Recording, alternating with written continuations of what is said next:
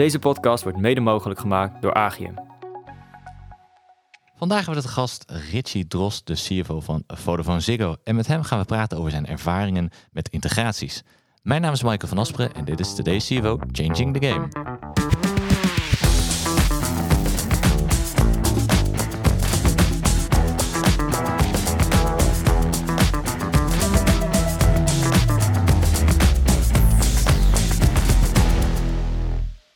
Richie, welkom. Leuk dat je er bent. Dankjewel. Goeiedag. Ik, ik vind het superleuk nu al. Uh, Nu al? al. hebben we nog iets gedaan in een podcaststudio. Maar ik Kijk. ook weer eens mee. Ja, nou, het- eh, jouw carrière eh, heeft nog genoeg ruimte voor, voor nieuwe ervaringen. Zekers. Dus, Zekers. nou, dit een, een van. Dat gaat, een, dat gaat sowieso een leuk gesprek worden, dat, dat weet ik nou al. En eh, naast mij en tegenover jou zit eh, Cindy Smelen. Cindy, welkom. Ja. Leuk dat je er weer bent. Dank je. Leuk om er weer bij te zijn. Heb je er ook zin in? Hartstikke veel zin in. Nou, kijk, dat is mooi. Dat is mooi. Nou, het komende uur gaan we gaan met jou in eh, gesprek over eh, eh, jouw, jouw rijke ervaring als het gaat om eh, integraties. Want dat is wel een beetje een rode draad in jouw carrière. Eh, maar voordat we daarop in gaan zoomen, eh, wil jij vast wel even vertellen wie Richie Drost eigenlijk is. Ja, wie is Ritsie Drost? Ja. Ritsie Drost is eh de jongen die geboren is in Utrecht en al heel lang eh, woont in Amsterdam. Eh, belangrijker is eh, getrouwd, twee kids, 16, 18. Dus eh, over integreren in je leven gesproken en eh, nieuwe dingen leren. Eh de eerste is afgeleverd, net eindexamen gedaan. Eh, en overdag, en ook een groot deel in de randen van de dag, ben ik vooral CFO bij Vodafone Ziggo. En ik zit al vrij lang in de industrie, maar daar komen we vast zo op. En ik ben eigenlijk het meest gelukkig als ik heel druk ben. Dus ik doe daarnaast ook nog van alles buiten mijn werk om. Zoals? Zoals. Ja, Dat is een goeie. Wat zijn je Want passies? Dat had ik natuurlijk. eh, passies. Ik, ik heb veel met eh, dingen als cultuur. Eh, ik zit bijvoorbeeld in de Raad van Toezicht van De Bali eh, in Amsterdam. Groot eh, debatinstituut voor het vrije woord. Ik zit in de Raad van Toezicht van Nemo, wat ik denk eh, een van de mooiste musea van Nederland is. Eh, en ik zit in een bestuursrol bij Stichting De Uitmarkt. Dat is de opening van het culturele seizoen in Nederland. En drie, die drie opgeteld is meer dan een fulltime baan. Ja. Maar, eh, dat doen we ook naast een andere fulltime Ja. baan. Dus je hebt twee fulltime banen en een gezin. Superleuk. Ja, dat, Ja, superleuk. dan blijf je inderdaad wel, eh, wel lekker druk. Ja. En ik weet, er is nog één andere grote liefde van jou en die zit eh, in Amsterdam. Mijn vrouw. Eh, oh, Nou, het, begint, vrouw. het begint wel met Wat een goed antwoord is dit. Wat een goed wat antwoord is Nee, nou is dit. Ajax. ik denk dat je Ajax bedoelt. Ik ben een enorme Ajax-fan. Dus hoe gaaf is het dat wij eh, met een van onze merken op het shirt staan, te- eh, staan van Ajax. Ja, Fantastisch. ja. En daar ben je denk ik ook nog wat tijd aan kwijt. eh, want ja, dan moet je natuurlijk ook naar al die wedstrijden toe. Eh, moet niet, mag wel. Eh, ik ben er graag eh, en heel vaak. eh, soms in functie, zeg maar. Maar stiekem ook heel vaak gewoon lekker op onze eigen seizoenkaarten. Ja. Aan de overkant roep ik dan altijd. En dan kun je nog harder schreeuwen. Kijk, ja, dat is waar. Dat is waar. Ja, daar kunnen we denk ik nog een heel, eh, hele andere podcast aan wijden.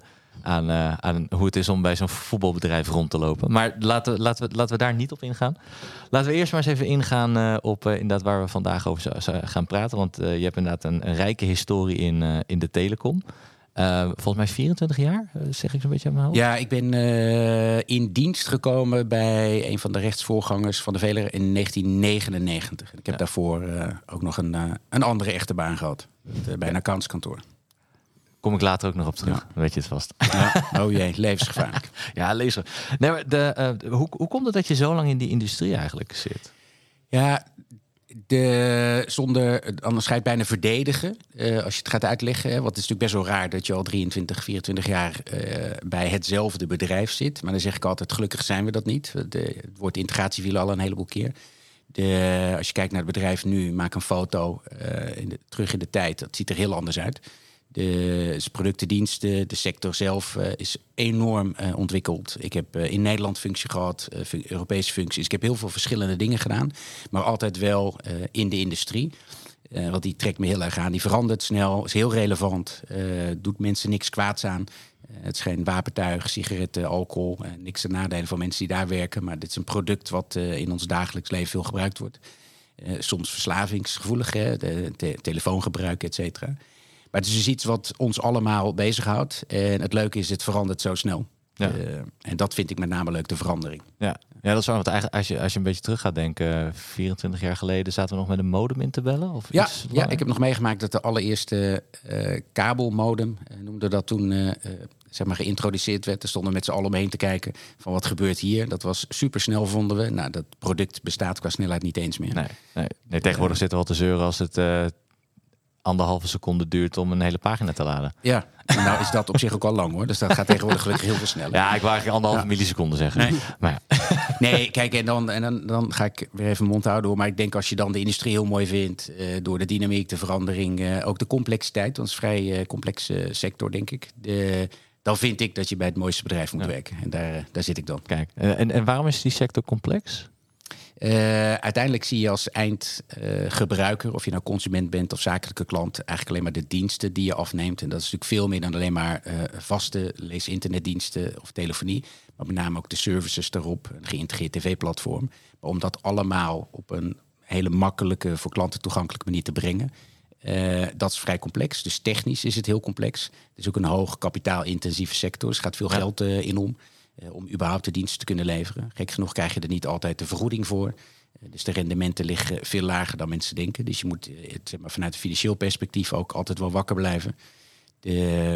En ik denk, omdat het in het hart van de maatschappij zit, of dat nou consument of zakelijke klanten zijn, dat het, het, het is niet het water wat uit de kraan komt. Zeker niet. Het is veel meer dan dat. Het moet er altijd zijn, omdat heel veel andere producten, diensten en innovatie weer gebouwd zijn op de dienstverlening die wij geven.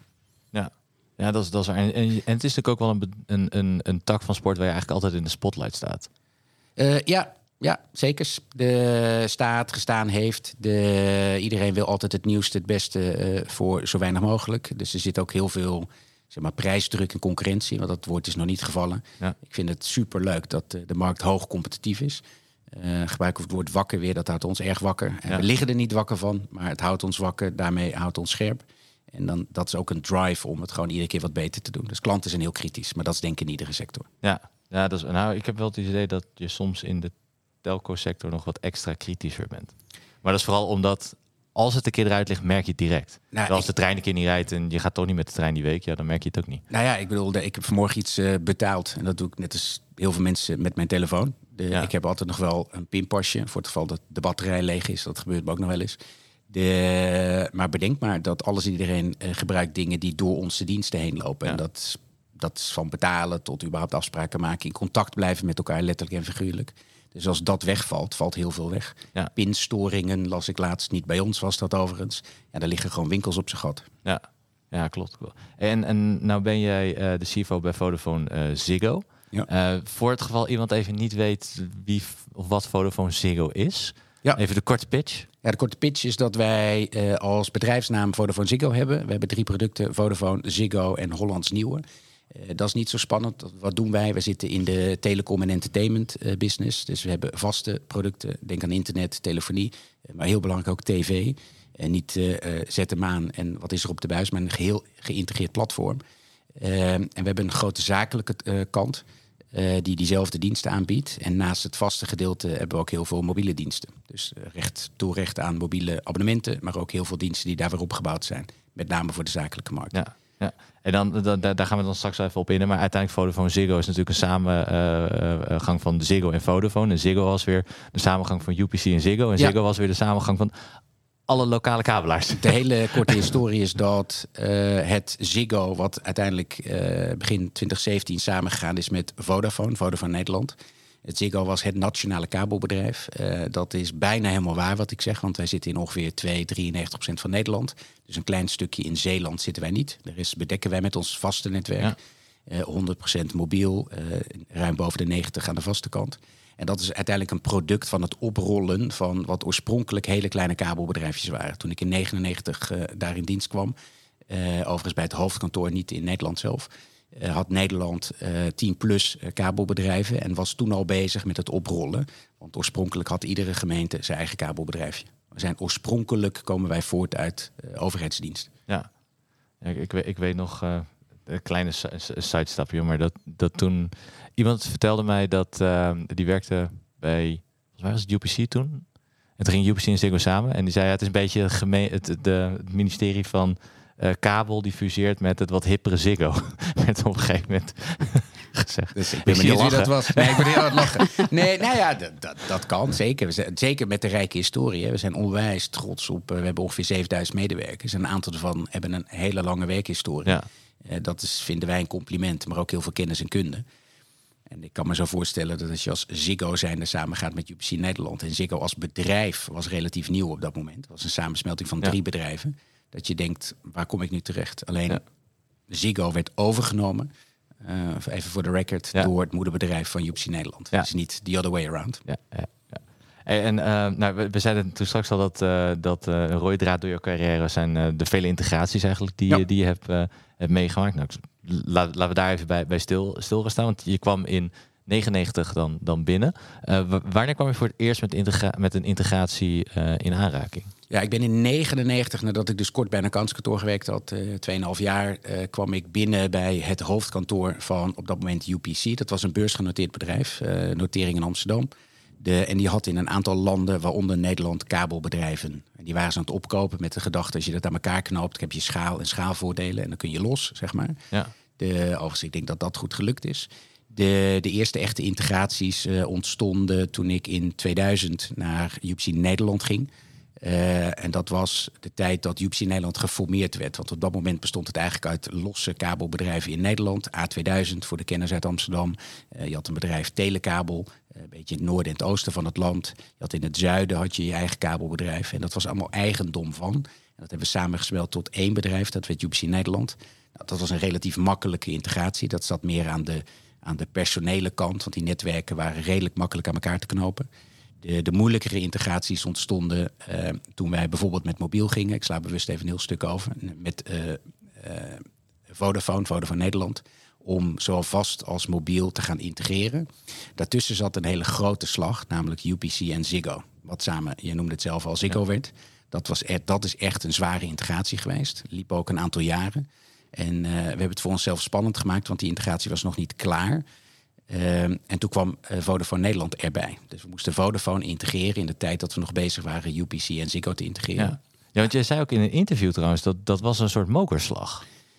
Dat je met het nieuws kwam, nou, we gaan nou weer... eh, Ja, ik moet even denken wat ik eh, gezegd heb. Maar ik- volgens mij weet ik eh, wanneer dat was. Dat was een keer op een congres eh, Ja. met accountants, volgens mij zelfs. Klopt, ja. De- Ja, inderdaad, Ja, de- de- heel goed nadenken. Wanneer ja. heb ik dat nou weer gezegd? Nee, De- er, er stond, eh, ehm, even kijken, wat stond er nou? Ehm, een mokerslag voor de medewerkers vlak na de fusie met Ziggo UPC. Midden in dat proces zeiden we, heeft u even, er komt weer wat aan. Ja, ja, dus je moet bedenken dat de, waar willen wij dat mensen ons met name zich mee bezighouden? Klanten. Ja, De, dus je wil de hele dag bezig zijn met klanten, klanten bedienen. Dat is ook eh, zeg maar, de aanpak die wij kiezen in integratie. Altijd eerst focussen op de voorkant van het bedrijf, klanten. Klanten moeten zo snel mogelijk eh, de voordelen gaan ervaren van het feit dat er een nieuwe combinatie ontstaat. Eh, Maar er zit ook een hoop werk aan de achterkant. Daar wordt ook heel hard op gewerkt door mensen. En terwijl we dat aan het doen waren, dus die vaste netten van UPC en Ziggo aan het integreren waren. En dat zou op papier nog zeker twee, drie jaar duren. Kwamen we met de mededeling, we gaan er ook mobiel aan plakken, zeg maar. En dat is niet alleen maar aan de technische kant integreren, maar ook weer aan die klantkant, aan de systeemkant, aan de mensenkant. En integreren terwijl je ook je day-to-day business runt, want dat is de aanpak die wij kiezen. Eh, dat is hard werken. Dat is echt gewoon echt hard werken, doorwerken. Dat doe je er niet even bij. En dan heb ik denk dat we gewoon een beetje te hard gewerkt hebben in die tijd. En als je dan met een mededeling komt van we gaan nog een keer, dat mensen even moeten slikken. Ja, ja. want hoe, hoe merkte je dat eh, ook op de werkvloer? Wat, wat, wat hoor je dan gebeuren? Ik denk dat mensen met name zoeken naar zekerheid. Eh, ik denk individu individuen reageren heel primair van wat betekent het voor mij? De, ook al zeggen wij in integratie first en foremost gaat om klanten. De, vanuit individuen, eh, logisch het woord, gaat het om het individu. Dus waar kom ik te werken? Wie is mijn baas? Wat ga ik doen? Eh, heb ik nog wel een baan, et cetera? Want ook dat soort vraagstukken komen en kwamen altijd op tafel bij integraties. De, dus ik denk dat mensen heel erg eh, zich druk gingen maken over eh, verandering op verandering op verandering. Het heeft niks met onze sector te maken, maar iedereen wil verandering. Maar iedereen vindt verandering ook spannend. De, het is lekker om te hebben wat je hebt en dat verder te verbeteren. Dus ik denk dat op dat vlak zeg maar, mensen een stukje onzekerheid getriggerd zagen worden bij zichzelf. Eh, hebben we proberen weg te nemen al die keren dat we geïntegreerd hebben door heel duidelijk te zijn wat de aanpak is die we kiezen. Eh, en dat de integratie, eh, ik heb nu al een paar keer gezegd, maar een integratie is gefocust om het bedrijf beter te maken en daarmee je klanten beter te kunnen bedienen. En niet zozeer een integratie om er zwaar kosten uit te halen. Want degenen die onze cijfers bestuderen, zien dat wij helemaal niet heel veel netto-netto kosten uit ons bedrijf trekken. We trekken er heel veel uit, de integratievoordelen, synergieën. Maar die investeren we terug in de business. Dus wij zijn niet een kostkutter wat dat Ja. betreft. Ja, dat, dat hoor je wel vaak bij bedrijven die gaan, dan gaan overnemen, die gaan integreren. Dan eh, is er een synergievoordeel. Ja, die hebben wij zeker ook. De, en gerealiseerd. Eh, sneller, harder. Bij iedere integratie zetten we ook die doelstelling. Of bij acquisitie of fusie zetten we keiharde doelstellingen neer. Wat willen we bereiken? Eh, daar zitten dus ook financiële doelstellingen in. Integratievoordelen noemen we dat. Eh, dat is vaak zijn dat kostenvoordelen, maar dat is niet middels saneren. Het is niet dat we dan zeggen dat is mooi, dan gaan we nu de helft van het bedrijf eh, eh, naar buiten brengen. Eh, lees geen baan meer geven. Dat is puur overlap eruit halen, de versnelling inzetten, legacy systemen, dus oude systemen uitzetten, vervangen door moderne systemen die aan de andere kant al te vinden zijn. Dus dat soort kostenvoordelen. En die zijn groot geweest. Ja. Dat is een groot deel van de basis van het financiële succes van, in ons geval Vodafone Ziggo in Nederland, maar ook al die andere landen eh, die in de families hangen. Ehm, de, de, de eerste basis zit met name aan de kostenkant, eh, de synergieën pakken en daarop doorpakken richting je klant. Ja. En, eh, Rietje, als ik een vraag mag stellen, want ik, integraties van mensen, dat, eh, dat vind ik heel interessant. Eh, hoe, hoe zit het met het integreren van de verschillende bedrijfsculturen? Ja, ja dat kan niet, eh, is Nee. onze stelling. Eh, ik zie aan jouw gezichts- gezichtsuitdrukking dat je misschien wel met me eens bent. De culturen integreren kan niet. De, dus, en dan pak ik wederom het meest recente voorbeeld. Eh, Ik kan dat van al die andere eh, integraties ook gaan benoemen. Inclusief integraties die we in het buitenland gedaan hebben. Want ik heb ook nog als uitstapje even hier zes jaar een Europese functie gehad... waar we precies hetzelfde deden, bedrijven kopen en integreren. Terug naar de vraag, culturen integreer je niet. Dus je met respect voor het verleden ga je een nieuwe cultuur proberen te creëren. Je kunt hem niet kopen, dus je moet dat gaan creëren met elkaar vanuit respect. Dat woord gebruiken we dan heel veel. En dat doen we dan ook in gezamenlijkheid met medewerkers.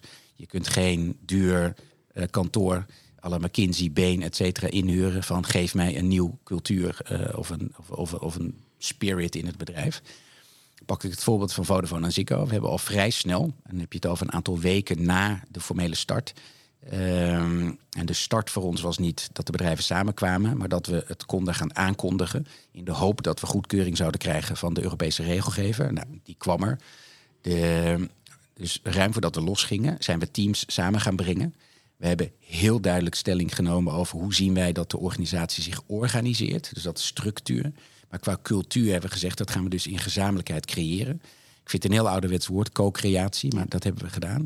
We hebben een culture crew opgezet en die bestaat nog steeds. En dat is 100 plus medewerkers die niet altijd met z'n honderden bij elkaar komen. Maar wel als groep verantwoordelijk zijn voor het definiëren van wat is nou wat we mee willen nemen uit de verschillende bedrijven. Qua omgangsvormen, klantbenadering, eh, way of working, et cetera. En dat bij elkaar opgeteld met nog heel veel ingrediënten is de cultuur.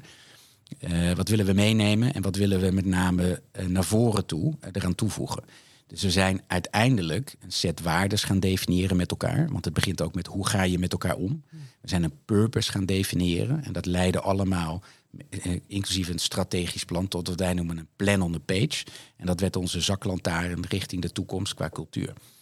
Betekent overigens ook dat we heel snel afscheid wilden en, eh, en ook gedaan hebben, genomen hebben van locaties waar je toch het gevoel hebt als je daar intrekt dat je in het huis van je nieuwe echtgenoot of je ex gaat zitten. Ja.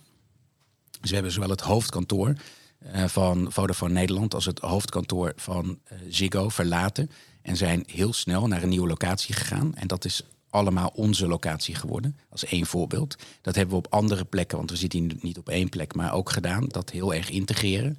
Dat we juist, eh, we wilden niet blijven hangen in het verleden. Dus het co-creëren van iets wat belangrijk is, en dat begint in die omgangsvormen. Dus we hebben waardes, noemen wij dat dan. Hoe we met elkaar vinden dat we om moeten gaan. En daarvanuit definiëren, purpose, strategische doelstellingen, et cetera. Dat is eigenlijk een hele nieuwe identiteit creëren, heb je dus gedaan. Ja, maar wel, we zeggen altijd met respect voor het verleden. Ja. Dus we, we praten ook nooit slecht over het verleden. Het verleden is het verleden. We, we praten heel positief over het verleden. Want dat klinkt wat wollig hoor. Heeft ons gebracht waar we zijn. Ja. De, en daarvandaan maken we een sprong naar voren. Ja. En dan een heel praktisch voorbeeld. Ik kom uit eh, de vaste kant eh, van oorsprong. Dus uit de, de, de UPC Ziggo-tijd. Lees, eh, nu noemen we dat de Liberty Global kant. Dat is een van onze twee aandeelhouders. Dus ik was eh, een vaste, ze- zei iemand een keer tegen mij. En daar was een bepaalde cultuur, wat zich ook vertaalde in kamers, eigen kamers. Ik had een waanzinnige mooie kamer. Eh daar moest je eerst eh, door een andere kamer heen. Daar kun je alles bij voorstellen voordat je überhaupt binnen mocht komen. nou, ik wist niet beter, dus ik was eraan gewend en ik vond dat prettig. Eh, Vodafone had een hele open cultuur, Ja. letterlijk en figuurlijk. Eh, in onze nieuwe locatie heeft niemand eh, een eigen vaste plek. Niemand heeft een eigen kamer. Eh, we doen niet aan chique leaseauto's of wat dan ook. Ik reis met een treinkaart in mijn achterzak de wereld rond. De, en als ik op kantoor ben, moet ik een plekje zoeken. En ben ik heel eerlijk in, dat vond ik helemaal niks in het begin. De, want ik moest eraan wennen, dat is ook weer de verandering. Maar dat creëerde wel een gelijkheid onderling, maar ook iets nieuws. Ja. De, dus je pikt het beste eh, van beide werelden en vervolgens eh, ga je los. Ja. ja, en wat ik ook wel mooi van, van die culture crew, wat ik ook las, is dat ehm, die mensen die konden zich vrijwillig daar ook voor aanmelden. Ja. Dus mensen die ook, die ook echt mee willen in, die, in het creëren van die nieuwe identiteit. En het was los van functie of, of, Ja. of dergelijke waar, waar, waar, je, waar je werkte. En het waren ook een beetje soort jullie ogen en oren volgens mij op de werkvloer. Want je kan natuurlijk allerlei onderzoeken houden en mensen Ja. netjes wat in. Maar zij hoorden meer het geluid ook wat op de werkvloer zat. Zekers. Het was ogen en oren niet als zijnde spionnen, in tegendeel. De, maar in plaats van het uitsturen van surveys of op bezoek gaan als management of directieteam van hier komen we. En dan als je dan goed snuift, ruik je nog de nieuwe verf, eh, groep, eh, grap ik dan altijd. Hè, want dan gaat ze het mooi maken. Eh, we hebben gezegd, alles en iedereen, alsjeblieft, meld je aan. Het is allemaal vrijwillig. Je kreeg er ook niks voor. Dat klinkt heel suf. Anders dan de mogelijkheid om mee te doen. Want we willen intrinsieke motivatie bij mensen hebben. En dus we hebben eh, van eh, de CFO, eh, wat ik dan toevallig zelf was en ben, tot medewerkers in callcenters, monteurs, techneuten, financiële. We hebben alle soorten en smaken gehad. Eh, van alle leeftijden, alle locaties. We zaten op dat moment op 17 locaties. We zitten nu op 9 locaties. Dus mensen van alle locaties, alle gelederen, alle lagen van de organisatie samengebracht. En daarin is iedereen gelijk. Ja, ja en, en dat maakt ook onderdeel uit van ehm, eh, jullie filosofie. cultuur heeft vier niveaus. Dat begint bij eh, bovenin bij, bij, bij jezelf, je team, de people leiders en de culture crew. Ja. Is, is de culture crew dan misschien ook wel een van de meest belangrijke elementen daarin? Of zijn Ja. ze allemaal... Ik denk dat ze allen even belangrijk zijn. Alleen in de culture crew komt alles samen. Want cultuur kan ook heel dominant zijn. Als je een, een, van bovenaf gestuurde cultuur eh, of bedrijfsmentaliteit hebt, dan hiërarchisch gezegd, eh, eh, noemen ze dat vaak, hè? Dan dat je dingen erin duwt, et cetera. Of, of een situatie creëert waar bovenin alles besloten wordt dan heb je ook een mooie cultuur. En dan zal je, als je de individuen of die vier lagen afgaat, zul je iedereen zijn eigen verhalen horen zeggen. En dan denk je dat klinkt allemaal heel prima en prachtig. Maar bij Culture Crew, omdat er geen hiërarchie in zit en omdat er geen harde doelstellingen op zitten van je moet nu deze KPI's halen of zoveel sales of zoveel resultaat, maar meer vanuit de medewerkerstevredenheid, eh productwaardering door onze eigen medewerkers, heb je eigen, ben je allemaal gelijk. Ja, precies. En, ja, en ik vind niks mooier dan eh, zeggen dat hiërarchie belangrijk is voor besluitvorming, maar niets meer dan dat. Dat, eh, Ja. Want Cindy, heb je dit ooit wel eens gehoord bij bedrijven dat ze het op deze manier aanpakken? Nee, zeker niet. Het, het, is, het is eigenlijk best wel uniek eh, zoals ik het beluister. Eh, het is net wat jij zegt, vaak zijn integraties eh, ook gericht op eh, eh, kosten, eh, saneren. Hè, dat komt er dan achteraan. Primair zeggen ze het van tevoren niet. Nee, dat gaan we niet doen. Iedereen behoudt zijn baan. En vervolgens zie je langzaamaan eh, dat eh, op het moment dat de integratie plaatsvindt, dat er natuurlijk wel eh zulke soort zaken plaatsvinden. Ja, ik vind het fantastisch. Culture Crew, eh, ik, ik denk ook, eh, los van het feit dat het bij de huidige tijdsgeest past, maar ik denk ook dat dat eigenlijk de succesformule is voor succesvolle integraties. Überhaupt. ik denk het ook, hè, want de, de, en ik, ik hoef het niet met je eens te zijn, maar ik ben het natuurlijk wel met je eens. omdat de, ik zie het effect ervan. absoluut. De- en misschien voor de record, hè, we hebben ook heel veel synergieën behaald. Eh, Ja. eh, we hebben dat zelfs aan de voorkant gedefinieerd, hoeveel. Eh, maar dat zat hem niet aan de kant van, oké, dan gaan we mensen ontslaan. Ja. Als je nu kijkt, 6.000, 7.000 mensen, dat is duizend minder dan toen we begonnen. En duizend minder is heel veel. Maar dat is, dat is minder afname dan het natuurlijk verloop. Dus wij proberen heel erg middels natuurlijk verloop de verandering door te zetten. Waar nodig grijpen we in. Want we zijn niet soft. We zijn Nee, heel nee. duidelijk in besluitvorming. Heel duidelijk in het kiezen van structuren. Wij moesten, eh, vonden wij onze organisatie kantelen. Veel meer in een end-to-end way of working. Agile, helemaal hip en happening natuurlijk. Dus je moest ook veranderingen doorvoeren, ook de afgelopen jaren. Maar de insteek is nooit geweest. eh, hard aan de achterkant het mes erin. Voorkant, want dat is het succes van Vodafone Ziggo, is hard door blijven investeren. En daarmee gewoon wat wij nog zijn en zullen blijven marktleider zijn in veel segmenten. Ja. En, en ehm, Is dit nou eigenlijk een leerles uh, vanuit de fusie tussen UPC en Ziggo?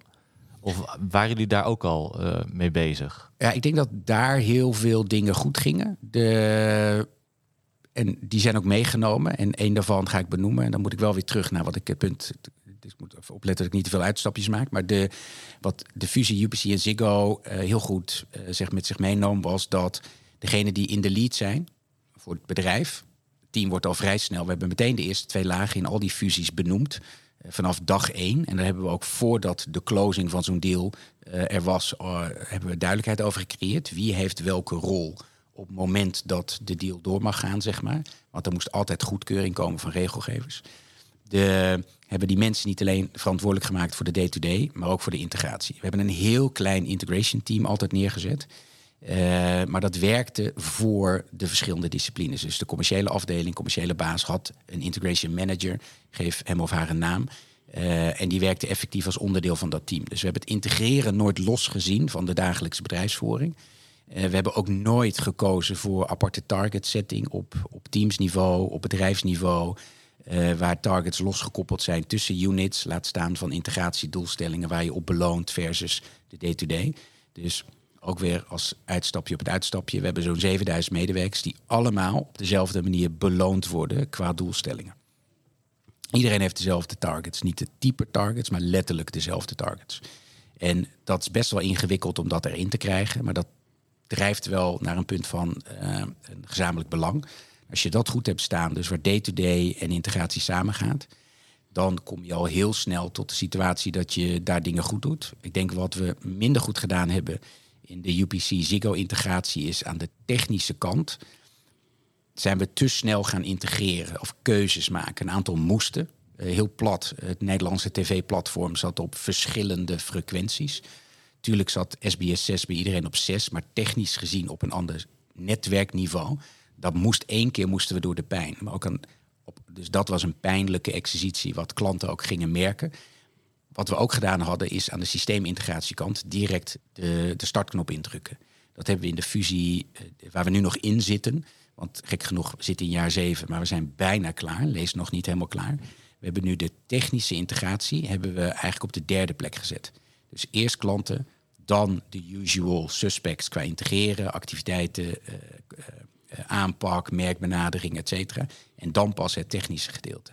Want als je hem omdraait en vanuit techniek, kostenbesparing, et cetera gaat werken, ja, dan weet ik één ding, dat je je klanten ontevreden maakt, maar ook je medewerkers en je haalt je doelstellingen ja. Ja, want de dus, klanten willen geen verandering. Die willen een positieve verandering. Ja. ja. Die willen iets nieuws. What's in it for me? Uh, toen UPC en Ziggo samengingen, werd het bedrijf Ziggo genoemd. Uh, dat was een hele logische keuze, omdat Ziggo in absolute omvang groter was dan UPC. Dus je hoefde minder mensen te gaan uitleggen dat er een verandering kwam. Overigens had Ziggo ook het betere kantoor, dus dat werd het uh, hoofdkantoor. En gek genoeg dacht dus iedereen dat Ziggo UPC overgenomen had, maar het was ja, de andere kant op. Ja. De, maar klanten kregen, kregen ook wijzigingen waar ze niet zozeer op zaten te wachten op dat moment. De, al vrij snel kwamen de positieve veranderingen, zeg maar. We moesten wel even door die zwanenhals heen. Aan de Vodafone Ziggo uh, kant hebben we toen we 1 januari 17 losgingen, zijn we 3,5 maand later gegaan naar een situatie dat als je producten van de vaste kant en de mobiele kant had, kreeg je allerhande extra's. Dat noemen we in het jargon gewoon converged benefits. Ja. Dus dan krijg je voordelen, je krijgt extra content, eh, korting. We zijn in Nederland, dus je krijgt korting. Eh, je krijgt een security package, je mag nog wat dingen kiezen. Dus we gingen al heel snel voordelen brengen naar klanten. En die voordelen konden wij plat gezegd betalen omdat wij die integratiesynergieën hadden. Dus we konden eigenlijk de, de, de kosten daarvan konden wij financieren middels integratievoordelen. Dan krijg je vervolgens een springplank qua omzetgroei, omzetontwikkeling, klantontwikkeling, klanttevreden. Betekent langer blijven. Nou, en dan uh, weten we uh, uit in iedere industrie wat dat betekent. Ja, ja. Uh, waar ik ook nog even geïnteresseerd in ben, want Culture Crew, wat we net al zeiden, fantastisch. Maar hoe, je, hoe hebben jullie dat gedaan ja, op boordniveau of op directieniveau? Want ook daar moet je natuurlijk ja. De handen op elkaar hebben met uh, hetgeen wat jij hier allemaal beschrijft. En ik kan me voorstellen dat dat ook een exercitie is. Ja, de, om gewoon naar de feiten dan te kijken. De, ergens uh, in de zomer van 2016 uh, waren de eerste stappen gezet door aandeelhouders. Want dit is een door aandeelhouders gedreven proces. Als het gaat om CEO en CFO-positie. Ehm, al vrij snel eh, hadden ze iemand op het netvlies eh, om CEO te worden. Eh, dat de man die er nu nog zit. eh, en hopelijk nog heel lang zit. Eh, namelijk vanaf dag één zit hij er. Jeroen Hoenkamp, mijn partner in crime. Ehm, en ik werd geacht, of ik mocht blijven, zeiden ze netjes. Maar ze hadden natuurlijk wel liever dat ik gewoon ook bleef. De, en ze kreeg dat belletje gelijktijdig op het moment dat Jeroen zo'n belletje kreeg. En ik zei heel vrolijk van, nou, natuurlijk ben ik blij dat je me dat vraagt. Het was de CEO van Liberty Global, Mike Fries, belde. Ik zei, maar ik heb een rare vraag. Heb je zijn telefoonnummer? Want ik wil hem even bellen. Want voordat ik ja zeg, kreeg ik op zaterdag een belletje. En op dinsdag zouden we aankondigen. Eh, toen heb ik voorgezegd, ik wil hem ontmoeten. Want voor hetzelfde geld vind ik het een, eh, nou, ik heb letterlijk gezegd een eikel. Dus dat herhaal ik hier maar, maar dan in het Engels. En dat klinkt het nog onvriendelijker, dus dat herhaal ik niet. En misschien ook alweer als soort van proofpoint dat voor mij mensen en de klik met mensen eigenlijk veel belangrijker is dan wat dan ook. Eh, dus Jeroen en ik hebben elkaar, eh, want hij zat er op dezelfde manier in, op maandag ontmoet in Londen. Ik ben naar Londen gevlogen. We hebben een uurtje eh, gezeten in het kantoor waar hij op dat moment werkzaam was in de kantine. Zitten babbelen, niets over werk gehad. Eh, gewoon, joh, hoe, ziet je privéleven eruit? Wat doe je in het weekend? Zie je er vandaag hetzelfde uit als ik je zondag zie of niet? En, wat ben je voor type? En dat soort wederzijdse vragen. Dus vanuit het gevoel creëren. En we zeiden, nou volgens mij gaan we dat wel in ieder geval een tijdje met elkaar uithouden. Nou, dat doen we al eh, ruim zeven jaar, inclusief de pre-integratietijd. Superleuk. Dus vrij snel, en daar is Jeroen uh, deserves the credits, dominant in geweest van ik wil heel snel mijn leadership team benoemen. En die wil ik zelf kunnen selecteren. Dus Jeroen, uh, en natuurlijk hebben we dat in de combi gedaan, maar all credits to him, heeft de lead genomen in het samenstellen van een team. Dat heeft hij niet in zijn uppie dus gedaan, maar wel gezegd ik vind dit belangrijk, dat minder belangrijk. En ook brute keuzes ingemaakt. Er zijn dus ook een het is niet zo dat twee bedrijven uh, je pikt er van ieder bedrijf iedere rol één. Er zijn een aantal plekken leeg gebleven. Er zijn mensen van buiten opgekomen. De, want hij wilde een, een team hebben wat, waarvan hij wist dat die in ieder geval een zekere periode met elkaar zouden kunnen, maar ook willen samenwerken. En dat ze allemaal aligned zijn van wat wil je bereiken.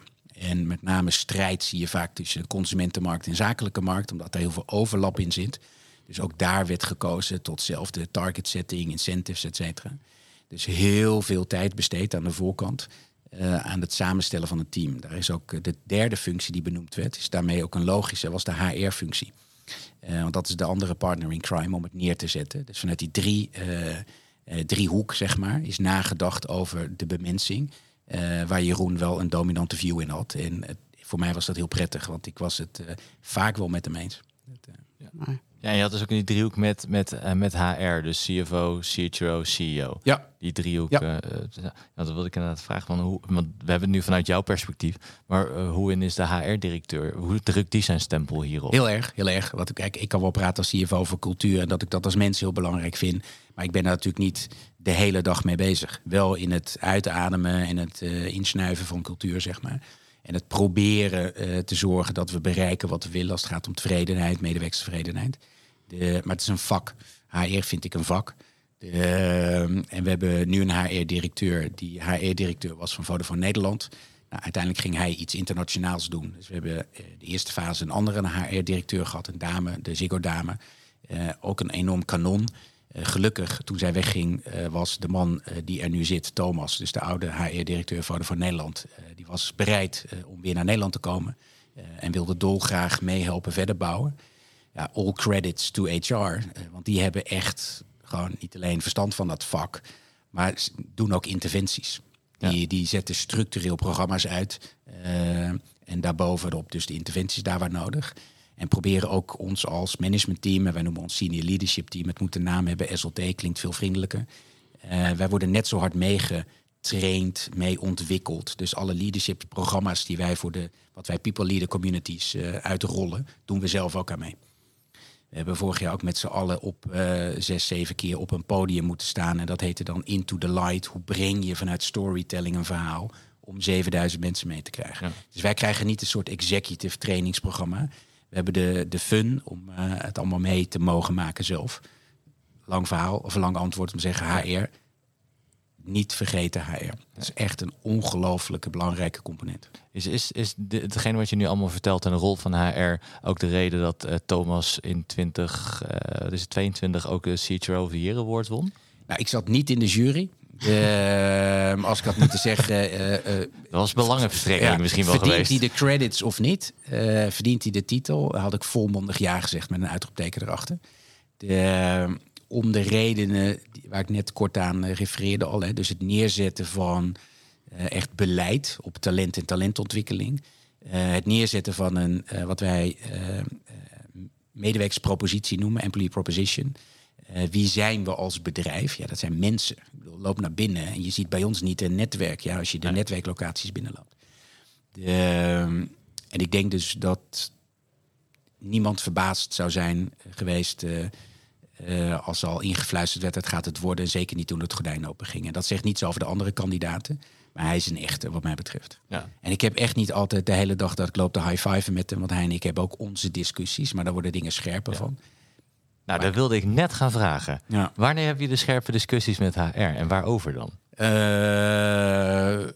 nou, misschien niet zozeer op, op, op, op vlakken waar onze vakgebieden eh, schuren. Maar ik ben nogal makkelijk overtuigd van mijn eigen mening. De, ik heb vele eigenschappen, net als heel veel mensen dat hopelijk hebben. De, en ik moet mij soms eh, in de heat of de, eh, de strijd wat meer openen voor het perspectief van een ander.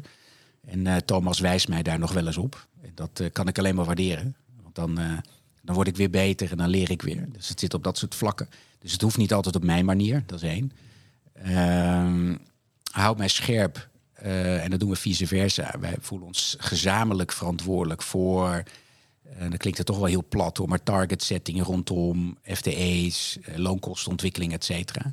Ja, daar hebben we niet altijd dezelfde mening. En dat hoeft ook niet, want hij benadert het vanuit zijn vak en vakgebied. En ik kijk er vanuit mijn perspectief naar. Dus we hebben best wel onze discussies.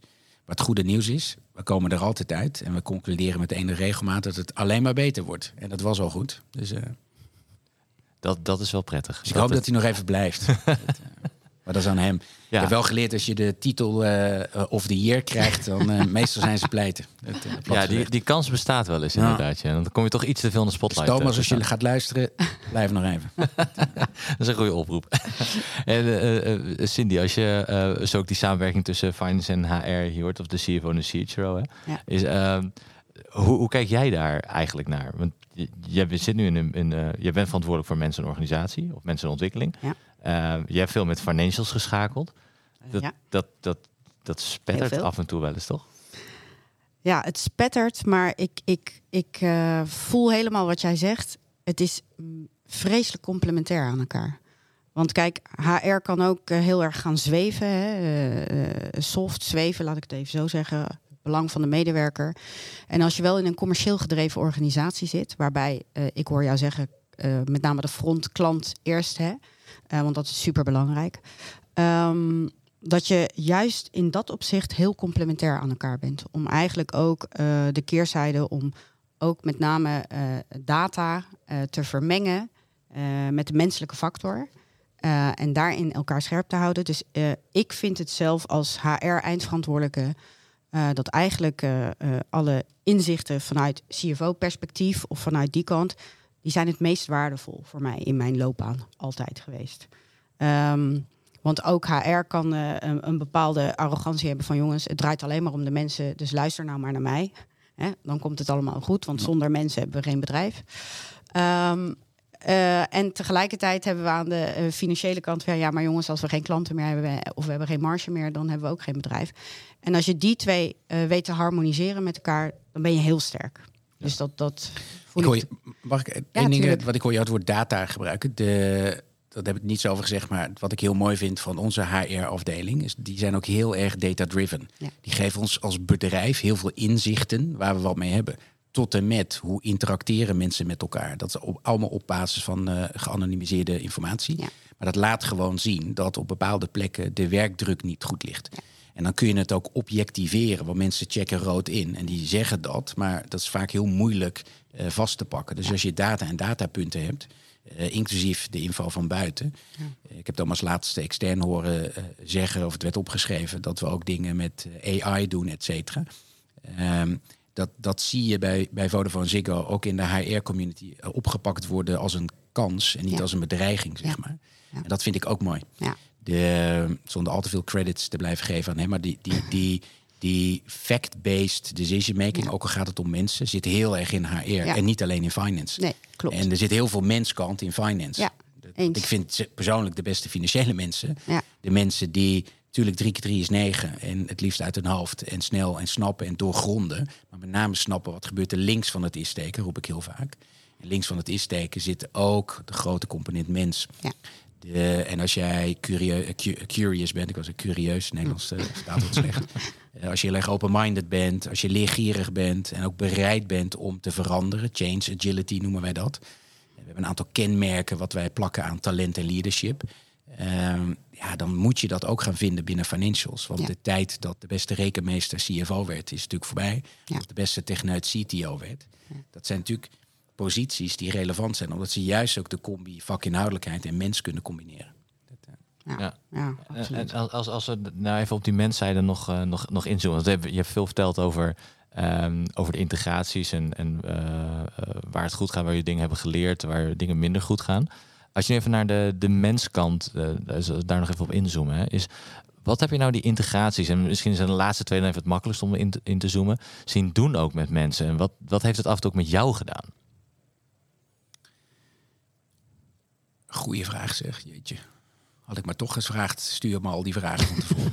Eh, ik denk, ik ga hem heel, heel makkelijk maken voor mijzelf, is dat iedereen wil resultaat zien.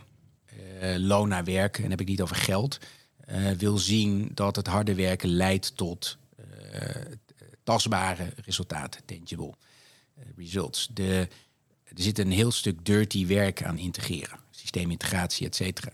En daar ziet niemand wat van. Het is een beetje de fundering van je huis eh, vervangen. We zijn zelf thuis een keer zo in een proces gegaan. Het duurt lang, het is allemaal smerig, er gaat een hoop geld in zitten. En als het allemaal weer dicht is, dan denk je, wat is hier gebeurd? Maar het is wel nodig als basis naar voren toe. En ik zie, dat heb ik niet benoemd, want je vroeg wat hadden we beter kunnen doen. Want ik weet al echt één ding wat ik in mijn volgend leven anders ga doen. Aan de financiële kant zitten wij nog steeds met twee systemen. Ehm, en eigenlijk hebben we sinds kort pas twee systemen. Want twee jaar geleden zaten we nog op heel veel systemen. En dat doen we dan houtje touwtje. En dat is niet houtje touwtje, maar dat doen we met een laag, integratielaag eroverheen. Ja. De, maar voor mensen is dat extreem complex. Ik heb een keer geprobeerd een dag eh, bij zo'n maandeinde close te zitten. Want ik ben daar gewoon niet goed in. Dus dan moet je mij ook niet willen hebben zitten. Om, het is niet inhoudelijk, maar om te snappen wat moet je nou allemaal doen. Hoe ga je van A naar B naar C? Voordat Rits die cijfertjes krijgt, eh, geplakt in een PowerPoint. Want ik zit niet in Excel te rommelen, kijk in, eh, op de computer, zeg maar. De, dat, dat, dat is bijna mensonerend. De, dus daar heb ik heel veel respect voor, dat zeg ik ook altijd. Had ik de fout kunnen herstellen, had ik direct wel de basissystemen eh, vervangen. De reden dat we dat niet deden, is dat het peperduur was om te doen. En dan zeggen we, dat doen we op een ander moment. We gaan liever ons geld op een ander moment inzetten. eh, op andere dingen, lezen de klant aan de commerciële kant. Misschien hadden we wat meer moeten dippen. Of minder hard moeten groeien, moet ik zeggen. In het begin van de, de integratie. Want we zijn eigenlijk constant aan het groeien. Omzet, eh, operationele winst, et cetera. Gewoon even wat minder gretig zijn, zo je wilt, op het, op het resultaat. Maar meer op de investeringskant. Want ik zie wel mensen gewoon echt eh, diep zuchten. Als ik dan weer eens vraag, ja, het is hartstikke goed, maar kan ik die analyse ook andersom krijgen? Ik denk dan heel knullig, dat is een druk op de knop en geef me dat. Ja. Inmiddels is dat wel zo. Maar de, de afgelopen jaren, dat was echt wel ploeteren voor de Dat heeft geduurd, ja. Maar daar kwam je eigenlijk pas achter toen je, toen je een keer bij zo'n month close ging zitten en zag wat er allemaal moest gebeuren. Ja, en als de, de, de, gelukkig heb ik al gezegd dat we geen eigen kamers hebben. Dus ik heb niet een ivoren toren met erop een hokje. Dus ik zit gewoon overal waar iedereen ook zit. Maar dat is natuurlijk wat anders dan gewoon dat gaan doorleven, zeg Ja. maar. En ik vind het super knap wat we al jaren doen. Want binnen drie dagen heb ik gewoon alles op eh, bureau liggen. Maar de, de, de bureau, flexbureau, de, maar de weg om daar te komen was gewoon heel pittig voor mensen. En dat doet dus wat met mensen. Met name als je zegt, eh, we staan voor fix basics. Want dat is ook een term die we in het verleden vaker gebruikten. De, dus wat we gedaan hebben, en ik ga toch even uit de, vraag proberen te klimmen, voor mezelf makkelijk maken, is we hebben de bedrijfsstrategie Vodafone Ziggo doorvertaald eh, naar de finance-strategie. Nou hadden we die wel, maar die was soort van los eh, van de bedrijfsstrategie. Hij stond er niet haaks op, maar dat was niet een logisch geïntegreerd iets. Dus als je nu kijkt, hebben, zitten 250 mensen binnen finance op de verschillende disciplines opgeteld. Die kennen allemaal de finance plan on a page. Dat klinkt super suf, maar dat is letterlijk één pagina met de, de, de, de brokken van de Vodafone Ziggo strategie. We hebben vijf pilaren. De, en dan zie je hoe finance daaraan bijdraagt. Maar ook zorgt dat de andere afdelingen succesvol kunnen zijn op hun afgeleide strategieën. En dan gaan mensen dingen snappen waarom je iets wel doet of iets niet doet. En dat maakt je ook weer, uh, geeft je de mogelijkheid om te zorgen dat je gaat stoppen met dingen.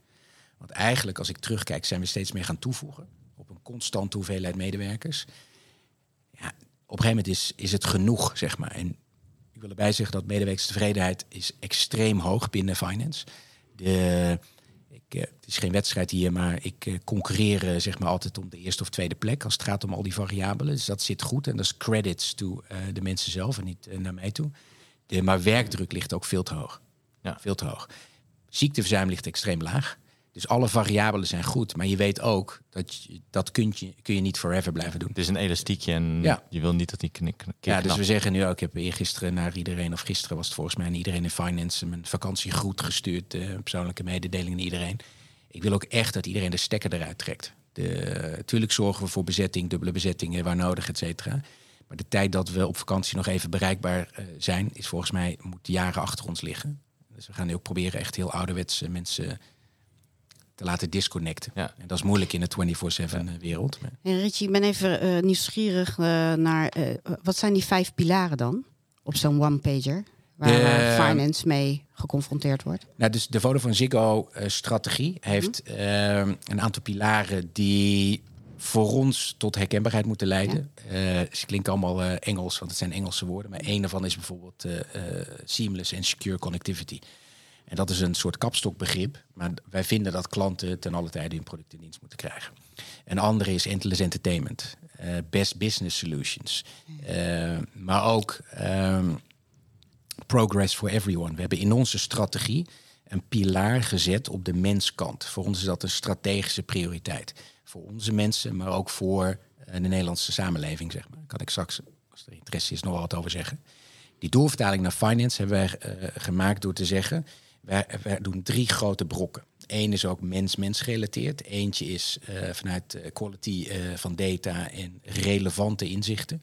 Want we produceren net als ieder bedrijf van alles en nog wat. Maar de vraag is, wat doe je ermee? Dus we proberen minder, maar relevanter. Daarbinnen heel erg in te zetten op... We hebben heel veel bots draaien. We zijn best wel stappen aan het zetten op het vlak van AI, et cetera. Om steeds meer te zorgen dat maandagochtend als je binnenkomt, zeg ik dan gekscherend alles er al ligt om er een mooie week van te maken. En niet dat je eerst aan de bak moet om er een mooie week van te kunnen maken. En de andere pilaar zit hem heel erg in de, als je het ouderwets noemt, zorgen dat de processen, et cetera, gewoon goed lopen. Dat je geen last hebt van legacy, et cetera. Dat zijn brokken die zijn helemaal doorvertaald naar hele specifieke activiteiten. Ik kan het uh, iedereen aanraden om naar vodafoneziggo.com te gaan en pak gewoon ons, uh, wat heet Integrated Report. Uh, daar staat die strategie gewoon toegelicht, die brokken. En dan ga je snappen wat ik nu zeg. Dat wordt daar concreet gemaakt. De, maar het is voor ons een soort kapstok. Zeker in tijden van moeten maken van keuzes. Hè, want de wereld hangt aan elkaar van schaarste. Ik denk dat wij steeds beter zijn in het maken van keuzes, prioriteit stellen. Maar er altijd beter in kunnen worden. We roepen altijd fewer bigger bets. Dus een paar dingen heel groot. Uh, ook binnen finance. En de kunst is om mensen te gaan laten ervaren dat als ze soms even moeten doorpakken op bepaalde projecten, dat is omdat je dat brengt naar een volgende fase. Nou, niks van te, te volgen wat ik hier zeg, dus ga eens naar die website. De, of degene die luisteren weten me vast te vinden. Vragen hoe die doorvertaling naar finance gaat. Stuur me een mailtje. De, die is heel simpel. Ik ga het roepen. ritsi.drost.vodavanziggo.com. Iedereen mag me mailen. Ik lees het allemaal zelf. De, en dan zie je dus dat mensen een, een, een, een, een soort roadmap krijgen. Van waar komen we vandaan, waar gaan we naartoe. Want alleen maar dingen doen, dan wel betrokken zijn bij nieuwe plannen. Als je het totaalplaatje niet snapt, is moeilijker. Is niet onmogelijk, maar moeilijker. En zeker als je dat dan ook nog eens doorvertaald ziet worden naar de concrete strategie, dan is dat heel mooi. En dan ga ik een hele concrete pakken. We hebben de uh, exclusieve rechten gekocht voor alle club, Europees clubvoetbal. Uh, we gaan drie jaar uh, als enige alle UEFA Champions en Conference League wedstrijden mogen uitzenden. De, via Ziggo, Ziggo Sport. De, dat is niet zomaar een content of commercieel besluit. Daar zit een enorm stuk uh, werk aan de finance kant om überhaupt te komen tot een gedurfd besluit om het exclusief te willen maken. Nou, we hebben heel makkelijk onze medewerkers mee kunnen nemen in vertrouwelijkheid toen. Van dit is wat we willen doen. Betaalt, denk jij niet uit, maar zet je oogkleppen eh, eh, anders, zeg maar. Of oogkleppen, je focus anders. De, en help mee te denken vanuit strategisch belang voor Vodafone Ziggo. Lees klanten, hoe je als finance dit kunt doen. En wat ga je dan niet meer doen? Aan budgetten vrijspelen. I- Ik zie dat mensen heel gelukkig worden als ze niet alleen maar een vraag krijgen, maar ook de context meekrijgen. wat ze- Absoluut. Ja, Ja. Fantastisch. Dat is mooi. De, en eh, ehm, ik, ik moet een beetje ook richting het, Ja. het einde gaan. Dus ik heb, ik heb eigenlijk nog eh, drie vragen, denk ik. Ehm, even, ja, wat ik wel grappig vind in, in het gesprek, en ik ken je ook al wat, wat langer, is... ehm, en je maakte in het begin van, van het, eh, het gesprek, toen je jezelf voorstelde... nog even, ik heb nog in de accountancy gezeten. Ja. Bij Arthur Anderson. Ehm, maar ja, laat ik de vraag zo stellen. Eh, het feit dat je hier 24 jaar eigenlijk al in werkt, komt dat omdat je niet echt een traditionele accountant-achtige type bent, maar iemand die eigenlijk verandering leuk vindt? Want ik hoor je continu Ja. over verandering, Ja, verandering, mensen- verandering praten. En mensen, als ik heel eerlijk ben. En ik ben wel ge- gefascineerd, eh fascinated als het gaat om... eh, als ik hier druk, wat komt er daar in beweging? Dus ik, ik heb een stukje nieuwsgierigheid in mij dat ik dingen wil snappen. En met name qua impact. eh, op mens, op organisatie. Ik, ik zei ook iets over dat ik eh, nog wat dingen naast mijn werk doe. En dan kun je denken, waarom doe je dat in het leven? Kost veel tijd, je krijgt er niets voor. Eh, maar dat zijn organisaties die impact proberen te maken. En dat is wat, waar mijn passie ligt. En ja, volgens mij moet je dat dan gaan zoeken in... want uiteindelijk zit je vaak wel in vakgebieden... waar je wat meer affiniteit mee hebt. Ja, en dat had ik toevallig. Ik vond vroeger rekenen het leukste vak wat er was. Dus ik dacht, eh, en ik wilde iets met geld. Want iedereen, als je 10, 12, 13, 14 bent... ik althans, eh, en vrienden om me heen wilden rijk worden. Belangrijk en rijk. Nou, dat heb ik allemaal losgelaten. Volgens mij moet je gelukkig worden. En dan komt de rest vanzelf wel of niet. De, dus ik kwam er al heel snel achter dat eh, die, dat hele vakgebied eh, een heel mooi vakgebied is, maar niet de mijne. Ja. Ik ga niet gelukkig worden van eh, eh, alles nog een keer bekijken of zorgen dat het helemaal waterdicht is, et cetera. Het is nodig, belangrijk, het is de basis, maar de, ik vind het veel leuker om links van het is steken. Ik heb dat eerder gezegd, eh, om daar bezig te zijn. Ja, nou, dat is, dat is duidelijk. Dat is duidelijk. En dan kijken naar je toekomst. Hè? Ehm, waar, waar, waar ligt die? Ligt die nog tien jaar in deze combinatie? Of eh, is misschien ook wel heel lastig te zeggen, maar Ja, als ik eerlijk ben, eh, heb ik jaren geleden een keer thuis gezegd... nou, ik ga dit nog heel even doen en dan ga ik echt wat anders doen. Eh, maar die verandering kwam in het bedrijf zelf, in de sector zelf. Weet je, het lijkt niet meer op de sector waar we waren. Je hebt over Nee. de topplayers, je hebt Netflix, Viaplay, eh, ook in Nederland heel actief. Eh, er wordt heel veel glasvezel uitgerold. Dat ge- geeft een andere dynamiek op de markt. Dus iedere keer verandert er wel wat. Ik snak naar de dag dat ik kan zeggen, ik heb me verveeld vandaag. En dan ga ik denk ik een besluit nemen. Tot die tijd zit ik er. De, ik heb nu voor mezelf een soort horizon van als die kinderen een keer echt het huis uit zijn, dan is een soort mentaal, soort peace of mind. En wat ik dan doe. Eigenlijk het naampje interesseert me niet.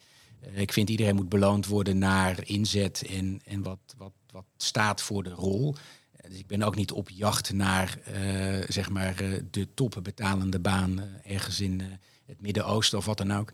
Integendeel, ik wil met name heel relevant zijn. En misschien is het daarom wel dat ik zo'n derde kraal aan mijn nevenactiviteiten geknoopt heb. Het is geen, geen idee wat ik doe. Misschien een kleinere organisatie. Ik wil wel zichtbaar zijn. En niet van dat mensen mij moeten zien. Maar ik vind als je zichtbaar bent, dan overzie je vaak ook goed. Ja. CFO van Ajax. Die, daar zit een kanon. Oké. Ja, maar als ze ooit Eh, weggaan. Superleuke dame. Ja. De- als, als, als, als je gevraagd wordt, voor zie je- als zij, als zij eh, besluiten te vertrekken op een gegeven moment, dat punt komt natuurlijk ook wel waarschijnlijk een keertje, en je wordt gevraagd, zou je het doen? Nou, weet ik niet. Ik denk dat Suzanne nog heel lang blijft zitten. Dat hoop ik voor Ajax. Ja. Ik ken Suzanne goed. Dus, eh, ga, ik, ga ik over nadenken als de vraag komt. Maar ik denk, de, de, de context is heel anders. Hè. De Ajax is een waanzinnig mooi en extreem groot bedrijf als het gaat om naam. Eh, het is een klein financieel bedrijf. Ja. Eh, we hebben 4 miljard omzet. eh 11 miljoen per dag. Eh, en het wordt alleen maar binnen de Nederlandse landsgrenzen gegenereerd. We hebben 11 miljard schuld. Om, niet omdat we de rekening niet Ja, even betalen. hè, trouwens, voor, voor, de mensen, de- voor de mensen denken dat Ajax 11 miljard eh, Nee, sorry, dat is, is 11 miljard schuld. Eh, dat is foto van Ziggo. Dus ik, ik roep wat getallen, omdat ik denk dat financiële mensen luisteren. Dus wij, wij zijn aan de financiële kant gewoon een hoog complex bedrijf. Want ik Ja. vind complexiteit stiekem ook wel leuk. Als ik iets snap, ben ik al verveeld. Ik heb namelijk... eh, ik heb het jou ooit een keer eh, op een andere moment uh, opgebiecht. Ik heb concentratieboog van een ui. Ik kan me helemaal niet concentreren. Dus ik multitask ook, ook al kan dat niet, maar ik doe het gewoon. De, ik probeer altijd netjes te blijven en te zijn. De, maar ik moet niet te veel hetzelfde doen. En het moet niet. En ik ga niet zeggen dat Ajax dat niet is, maar dat is meer de reden waarom ik het nu zo mooi vind wat ik doe. Die verandering en die complexiteit. Ja.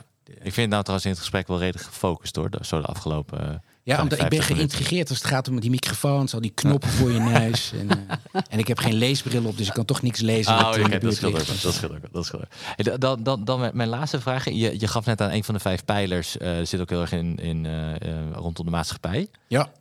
Um, en um, je wilde er wat over. Ik weet dat je er wat over wil, wil, vertellen. Maar wat, wat doen je daarvoor? Nou, de, de, de, in het kader van de wist u datjes. Maar er zijn in Nederland 2,5 miljoen mensen. En dat is veel, zeker uh, in absolute aantallen, maar ook ten opzichte van de Nederlandse populatie. 2,5 miljoen mensen die gewoon niet in staat zijn vanuit vaardigheden om met de digitale wereld om te gaan. Wij vinden het heel normaal om iets met een digi-ID uh, in te loggen of uh, te betalen met je telefoon, et cetera. Er zijn 2,5 miljoen mensen en dat zijn dus niet alleen maar kleuters en bejaarden, uh, maar echt mensen die geacht worden in, in een leeftijdscategorie te zitten en daar wel wat mee te kunnen doen, die dat gewoon niet kunnen. Dus we hebben als Vodafone Ziggo zijn de keiharde targets onszelf opgelegd.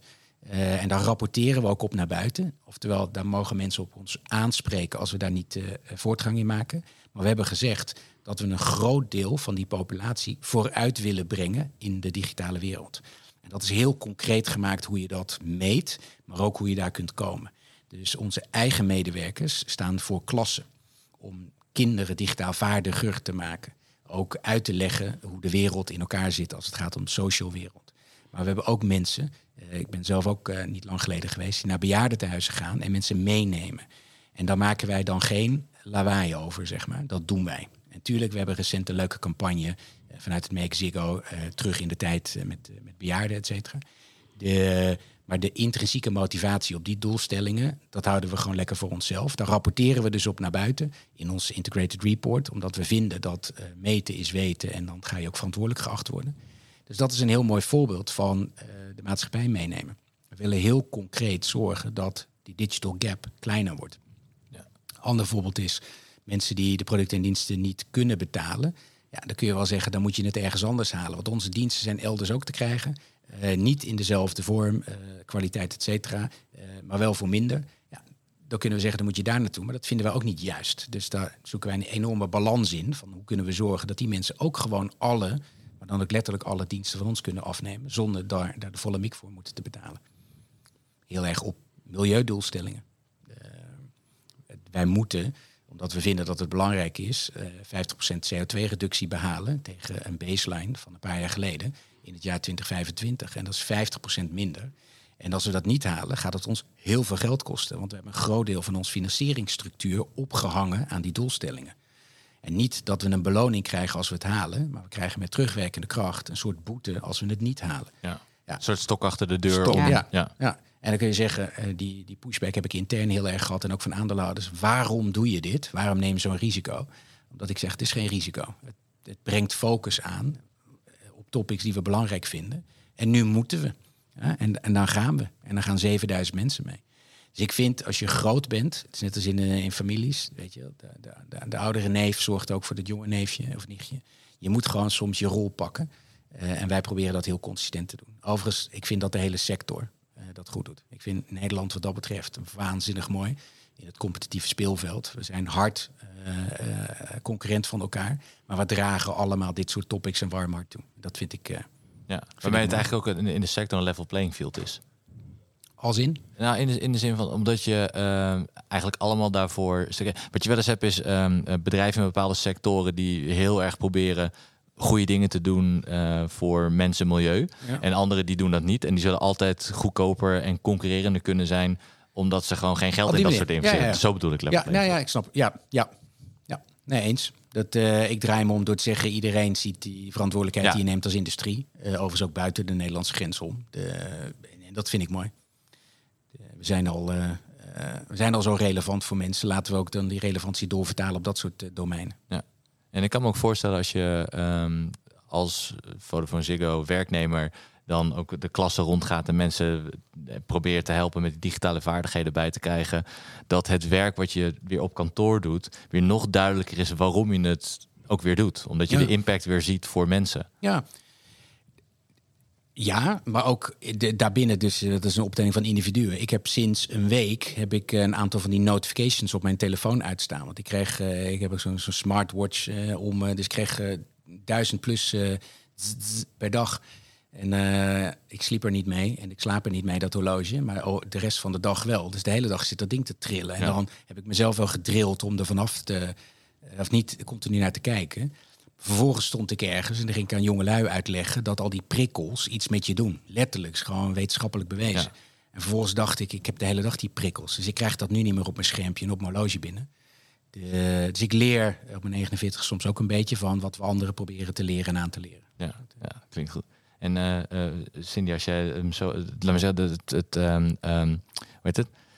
Het maatschappelijke aspect zo van Vodafone eh Ziggo hoort. Hoe, Ja, hoe eh, enthousiast word jij daarvan? Ja, ik word er heel enthousiast van. En, maar ik word nog wel enthousiaster over van het feit dat je geen lawaai erover maakt. Omdat het dan altijd een beetje neigt naar kijk eens, kijk eens wat wij doen voor de maatschappij.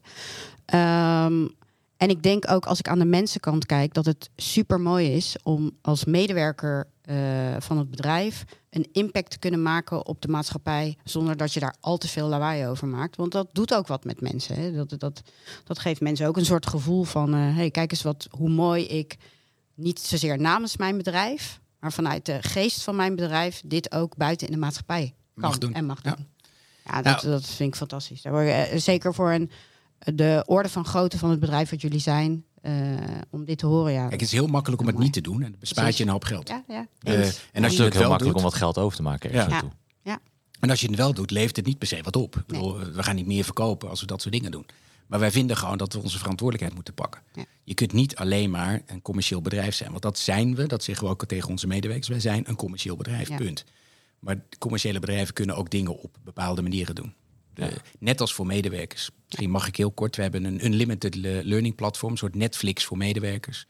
Eh, werd genoemd toen Thomas eh, eh, of the Year werd, Chief eh, HR of the Year. De, wij investeren miljoenen, kost dat, in onze 6 tot 7000 medewerkers. Middels het aanbieden van een, een platform waar je eh, eh, eh, all you can eat kunt leren. En dat is, gaat letterlijk van vakinhoudelijke eh, opleidingen, maar ook de opleidingen die nodig zijn om bepaalde certificeringen omhoog te houden. Maar ook cursussen Spaans, gitaarles, eh, eh, eh, mental coaches, alles. Neem het en we bieden het aan. Eh, en je mag het ook doen. Ehm, en dat kost je niets. Er wordt allemaal betaald door Vodafone Ziggo. Want wij vinden dat als je als mens je ontwikkelt, dan ontwikkel je als bedrijf. Ja. Ja. Het zijn mooie Ja, heel afsluitende woorden, moet ik zeggen. Als je als mens ontwikkelt, ontwikkel je als bedrijf. Ik, eh, ik, ik wil je hartelijk danken voor, eh, voor het gesprek. Het, het uur is weer voorbij gevlogen. Ja, jammer. Ja, die klok ook. daar achter me die werkt niet. Nee, Dus die, het loopt niet goed. ja, ik zag je kijken. Nee, eh, ja, wat, wat ik zei, ik wil je hartelijk danken voor je openheid en, en je inzichten. Eh, en het verhaal Dank dat je verteld hebt. Ik hoop dat je het ook leuk vond. om te Ja, ik vond het superleuk. De eerste podcast. Dat, Kijk, eh, kijk nou, wie, weet... ik eh, luister er wel heel veel. Maar Kijk, eh, nou, wie weet eh, de eerste van eh, vele die er nog komen gaan. je weet nooit in het leven. Inderdaad. En Cindy, jou ook hartelijk dank eh, weer Ja, voor... eh, jij ook bedankt dat ik hierbij mocht zijn. Erg inspirerend, wederom Ja. weer. Ja, En eh, nou ja, ik eh, ga jullie vast en zeker binnenkort wel weer spreken. zeker. Ik hoop het. Vond je dit nou een leuk gesprek en wil je meer verhalen horen van CFO's? Volg ons dan op ons Agium kanaal.